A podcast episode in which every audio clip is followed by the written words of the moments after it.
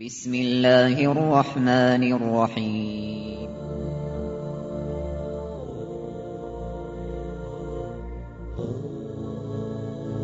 الرحمن العزيز الرحيم القوي السلام الكريم العظيم البصير العليم الحكيم الجبار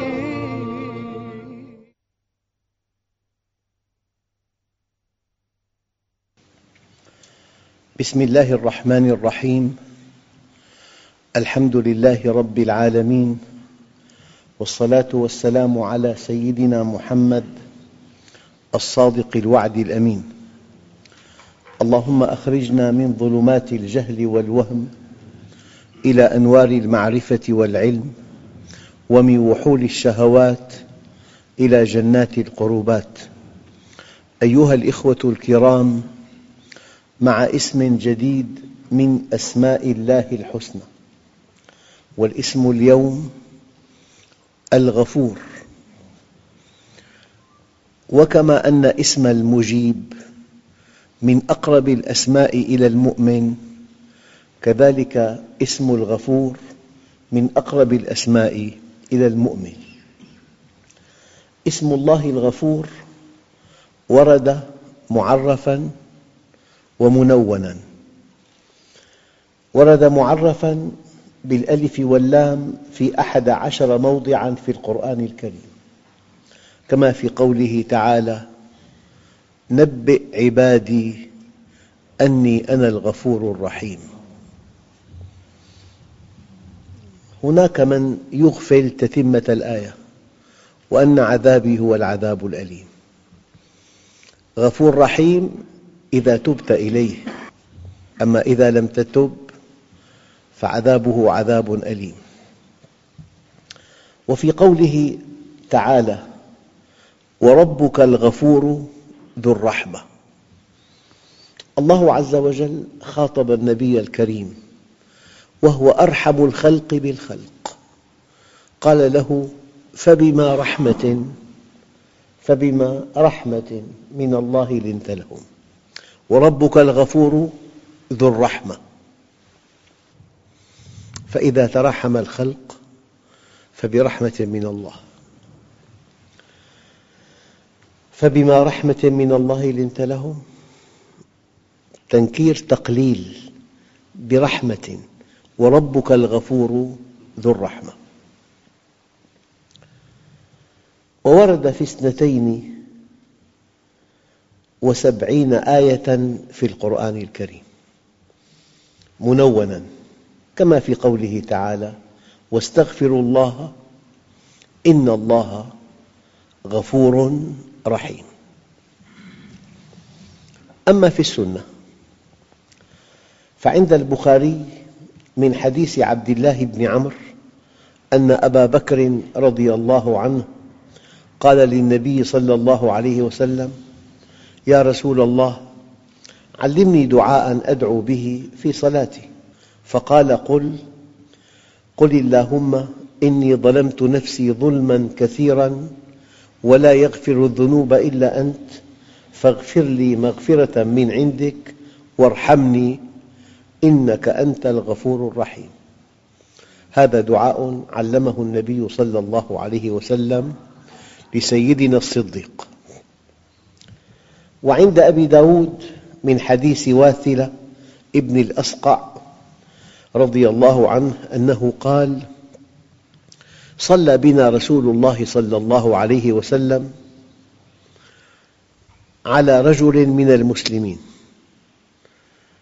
يعني كان قد مات فسمعته يقول اللهم إن فلان ابن فلان في ذمتك وحبل جوارك. فقه من فتنة القبر ومن عذاب النار. وأنت أهل الوفاء والحمد. اللهم فاغفر له وارحمه إنك أنت الغفور الرحيم. هذا دعاء النبي للميت. هذا فيما ورد في الكتاب والسنة عن اسم الغفور. الغفور في اللغة من صيغ المبالغة على وزن فعول. غافر فاعل اسم فاعل. غفور من صيغ المبالغة يعني كثير المغفرة. ولا تنسوا أيها الأخوة أن الاسم إذا جاء على صيغة المبالغة يعني المبالغة كماً ونوعاً. يغفر مليار ذنب ويغفر أكبر ذنب. معنى غفور. التي تدل على الكثرة والقوة. الكم والنوع في الفعل. طبعاً فعل الفعل من هذا الاسم غفر يغفر غفراً ومغفرة وغفرانا. أصل الغفر التغطية والستر. وكل شيء سترته فقد غفرته. كل شيء سترته فقد غفرته. يعني كأن الله عز وجل حينما يغفر الذنب يستره عن صاحبه لئلا يتعذب به. فطرة الإنسان فطرة سليمة. فإذا أخطأ الإنسان أو سبب إيذاء لمخلوق يتعذب. فالمغفرة أن يستر الله عنه هذا الذنب. وكل, وكل شيء سترته فقد غفرته. والمغفر غطاء الرأس. والمغفرة التغطية. على الذنوب والعفو عنها. وغفر الله ذنوبه أي سترها وعند البخاري من حديث عبد الله بن عمر رضي الله عنهما أن رسول الله صلى الله عليه وسلم قال دققوا. إن الله يدني المؤمن فيضع عليه كنفه أي ستره ويستره.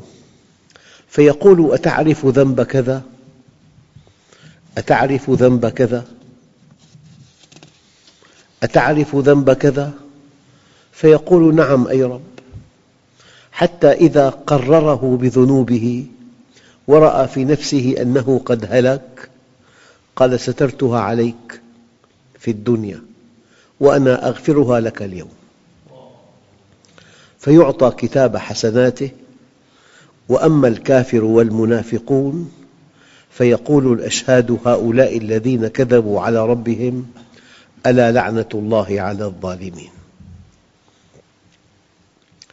كما قلت لكم قبل قليل إن اسم الغفور من أقرب الأسماء الحسنى إلى المؤمن. لأن المؤمن مذنب تواب والله عز وجل غفور. الآن الله عز وجل غفور. ما المعنى الدقيق؟ قال الغفور هو الذي يستر العيوب ويغفر الذنوب. مهما بلغ الذنب مهما بلغ الذنب من الكبر ومهما تكرر من العبد وأراد الرجوع إلى الرب فإن باب المغفرة مفتوح في كل وقت. ما لم تغرغر النفس. وليست التوبة حتى إذا جاء أحدهم الموت قال إني تبت الآن. عند الغرغرة لا تقبل التوبة. أو تطلع الشمس من مغربها. وقد ذكرت لكم من قبل أن من معاني طلوع الشمس من مغربها أن المسلمين حينما يستصغرون دينهم ويرون أن الغرب بما فيه من فسق وفجور وانحلال وتطاول وغطرسة وكبرياء هم القوم هم المتحضرون هم الأخلاقيون. إذا أغفلنا ديننا وتطلعنا إلى الغرب على أن الحضارة منه والقيم منه والحسن ما فعله والقبيح ما قبحه. يعني لا تعطى رخصة في أي مكان في العالم لفندق من نوع الخمس نجوم إلا إذا كان فيه الخمر. هكذا حينما نرى الغرب مصدر الحضارة مصدر الرقي الغرب هم الأناس الذين عرفوا كيف يعيشون من هوي الكفرة حشر معهم ولا ينفعه عمله شيئا. حينما نرى الغرب كل شيء ونحن لا شيء نحن على ما نحن عليه. عندنا وحي السماء عندنا دين القيمة عندنا سيد الأنبياء والمرسلين عندنا منهج الخالق. حينما لا نرى أنفسنا شيئا ونرى الغرب كل شيء عندئذ يغلق باب التوبة. لماذا يتوب الإنسان؟ أخطر شيء بالإنسان أن تهتز مبادئه وقيمه من الداخل. لذلك باب المغفرة مفتوح في كل وقت ما لم تغرغر النفس أو تطلع الشمس من مغربها. طبعا من معاني طلوع الشمس من مغربها. أن نرى الغرب في أعلى درجات الرقي على ما هم فيه من إباحية من تفلت من انحلال لكن في تقدم مادي مذهل. واسم الله الغفور يدل على دعوة العباد للاستغفار بنوعيه في استغفار عام واستغفار خاص. ما الاستغفار العام؟ هو الاستغفار من صغائر الذنوب. وقبائح العيوب وما يدور من خواطر السوء في القلوب. فالقلب فيه منطقتان منطقة حديث النفس ومنطقة الكسب. وأنت ساكت في حديث داخلي في حديث ذاتي واحد ركب بمركبة إلى حلب لحاله. طول الطريق يحدث نفسه. قلت يا فلان زوره. لا ما بدي زوره. حوار ذاتي. يسموه كتاب المسرح مونولوج. حوار الذات. ففي منطقة الحديث حديث النفس. قد يأتيك خاطر لا يرضي الله.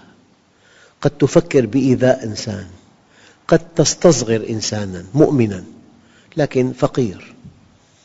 يعني كل خاطر كل حديث ذاتي لا يرضي الله ينبغي أن تستغفر الله من هذه الخواطر. هذا الاستغفار العام. يعني الله عز وجل تفضل علينا وكأنه عفى عنا فيما حدثنا به أنفسنا. ما لم ينقلب هذا الحديث إلى عمل. أما إذا انقلب إلى عمل صار في استغفار خاص. في ذنب ارتكبته في سلوك فعلته في موقف وقفته في نظرة نظرتها في استعلاء استعليت به. ما دام في سلوك انتقلنا إلى منطقة أخرى منطقة الكسب. في خواطر خطرات أفكار قد لا ترضي الله تحتاج إلى استغفار عام. وفي منطقة الكسب في سلوك. وقفت موقف عنيف. وقفت موقف فيه استعلاء. من أنت؟ من أشد منا قوة؟ الموقف اللي فيه استعلاء اللي فيه خطأ اللي فيه كبر اللي فيه تجاوز اللي فيه مخالفة هذا يستدعي استغفار خاص. أن تستغفر الله من هذا الذنب بالذات. نعم. أيها الإخوة قال تعالى وما أبرئ نفسي إن النفس لأمارة بالسوء إلا ما رحم ربي إن ربي غفور رحيم. يعني كمان من نعم الله الكبرى أن الله يغفر لنا ما خطر في أذهاننا من خواطر لا ترضيه. وعند البخاري عن أبي هريرة رضي الله عنه أن رسول الله صلى الله عليه وسلم قال والله إني لأستغفر الله وأتوب إليه في اليوم أكثر من سبعين مرة.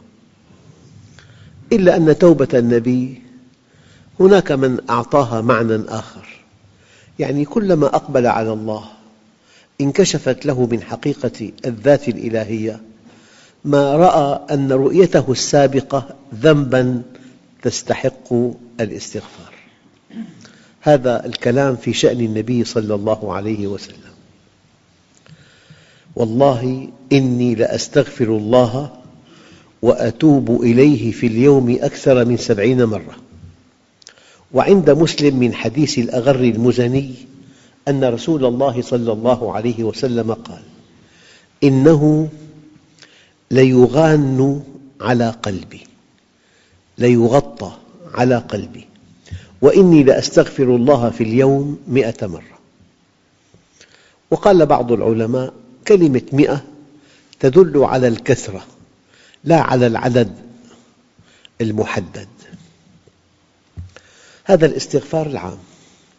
أما الاستغفار الخاص هذا كما قلت قبل قليل متعلق بمنطقة الكسب. بعد تعمد الفعل.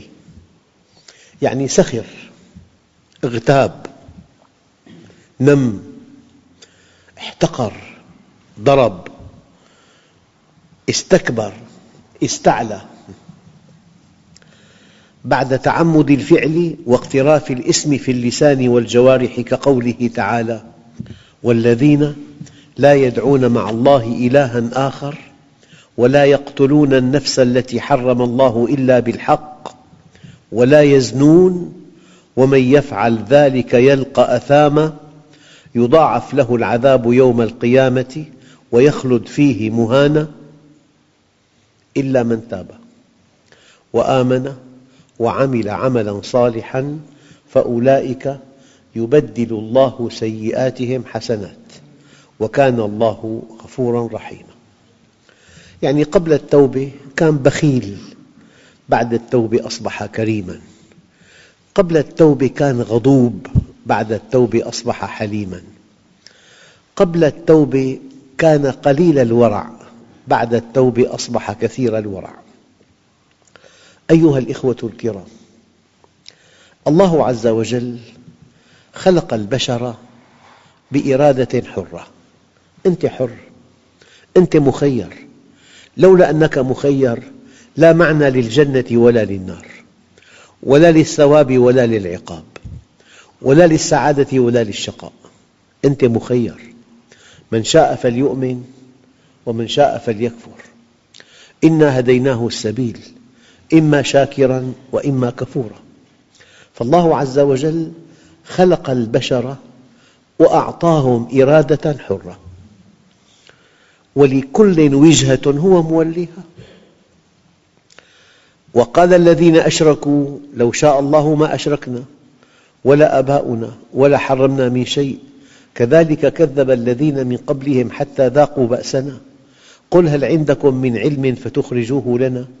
إن تتبعون إلا الظن وإن أنتم إلا تخرصون. إذا خلقهم بإرادة حرة مخيرة بين الحق والباطل بين الخير والشر بين الخطأ والصواب. وأعلمهم أنه غفور رحيم وتواب كريم ليظهر لهم الكمال في أسمائه وليحقق فيهم مقتضى أوصافه. لتعود المنفعة عليهم لأنه الغني عنهم أجمعين. روى الترمذي من حديث أنس بن مالك رضي الله عنه أن النبي صلى الله عليه وسلم قال كل بني آدم خطاء وخير الخطائين التوابون. كل بني آدم خطاء وخير الخطائين التوابون. وعند مسلم من حديث أبي أيوب رضي الله عنه أن رسول الله صلى الله عليه وسلم قال لو أنكم لم تكن لكم ذنوب يغفرها الله لكم لجاء الله بقوم لهم ذنوب يغفرها لهم. هذا الحديث يحتاج إلى شرح.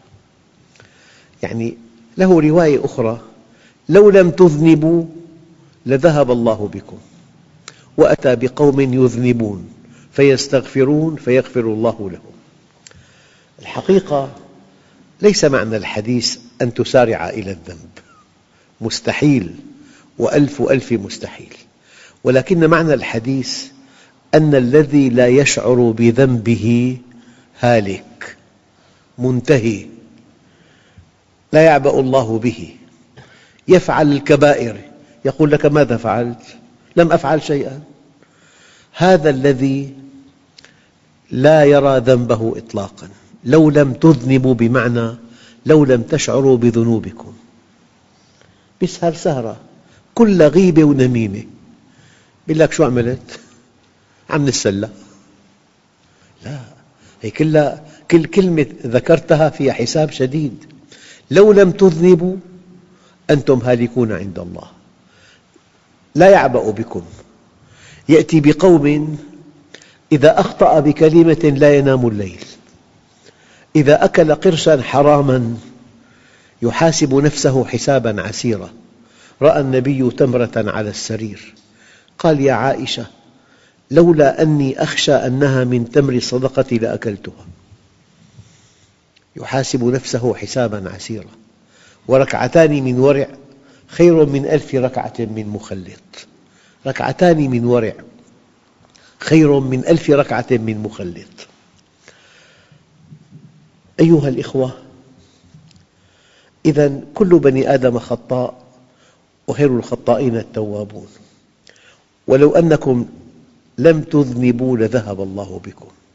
وأتى بقوم يذنبون بمعنى يشعرون بذنوبهم يتألمون منها في حياة. إذا إنسان حي ضربته بيتألم إذا ميت ما بيتألم. ليس من مات فاستراح بميت إنما الميت ميت الأحياء. فالذي لا يشعر بذنبه إطلاقا ولا يعبأ به يقول لك ماذا فعلنا؟ الناس كلهم هكذا. أيها الإخوة مرة ثانية هذا الاسم من أقرب الأسماء إلى المؤمن لأن العبد من شأنه أن يذنب وأن الله سبحانه وتعالى من شأنه أن يغفر. شأن العبد أنه يذنب وشأن الرب أنه يغفر. وما أمرك أن تستغفره إلا ليغفر لك. وما أمرك أن تستغفره إلا لأنه علم ضعفك وغفلتك أحيانا. في ضعف أمام بعض الشهوات وفي غفلة. فالمغفرة علاج الضعف البشري أو الغفلة. ولولا أن الله جل جلاله غفور رحيم ماذا حل بنا؟ وما نفعل بذنوبنا؟ وكيف نواجه ربنا؟ لكن الله سبحانه وتعالى غفور أي يستر ذنبك عن الخلق ويعفو عنك ويحول بينك وبين العقاب تصور ما في مغفرة ولا في توبة الإنسان من أقل ذنب يفجر ما في أمل. الأيام الطغاة ما بيرحموا ولا بيغفروا. فالإنسان لما بيأس يرتكب أكبر الكبائر ما في أمل. أما الله عز وجل أعطاك أمل. وإني لغفار لمن تاب وآمن وعمل صالحا ثم اهتدى. لكن في فهم ساذج أن الله غفور رحيم. غفور رحيم إذا تبت إليه. نبئ عبادي أني أنا الغفور الرحيم. إذا رجعت إليه تائبا مستقيما مقلعا عن الذنب. الله عز وجل يقول قل يا عبادي الذين أسرفوا على أنفسهم لا تقنطوا من رحمة الله. إن الله يغفر الذنوب جميعا. تتمة الآية وأنيبوا إلى ربكم وأسلموا له. من قبل أن يأتيكم العذاب ثم لا تنصرون. واتبعوا أحسن ما أنزل إليكم من ربكم من قبل أن يأتيكم العذاب بغتة وأنتم لا تشعرون. أن تقول نفس يا حسرة على ما فرطت في جنب الله. يعني غفور رحيم إذا عدت إليه غفور رحيم إذا تبت إليه غفور رحيم إذا أنبت إليه غفور رحيم إذا استغفرت أما غفور رحيم على إطلاقها الآية واضحة جدا نبئ عبادي أني أنا الغفور الرحيم وأن عذابي هو العذاب الأليم. غفور بشرط العودة والتوبة والإنابة والإقلاع عن الذنب.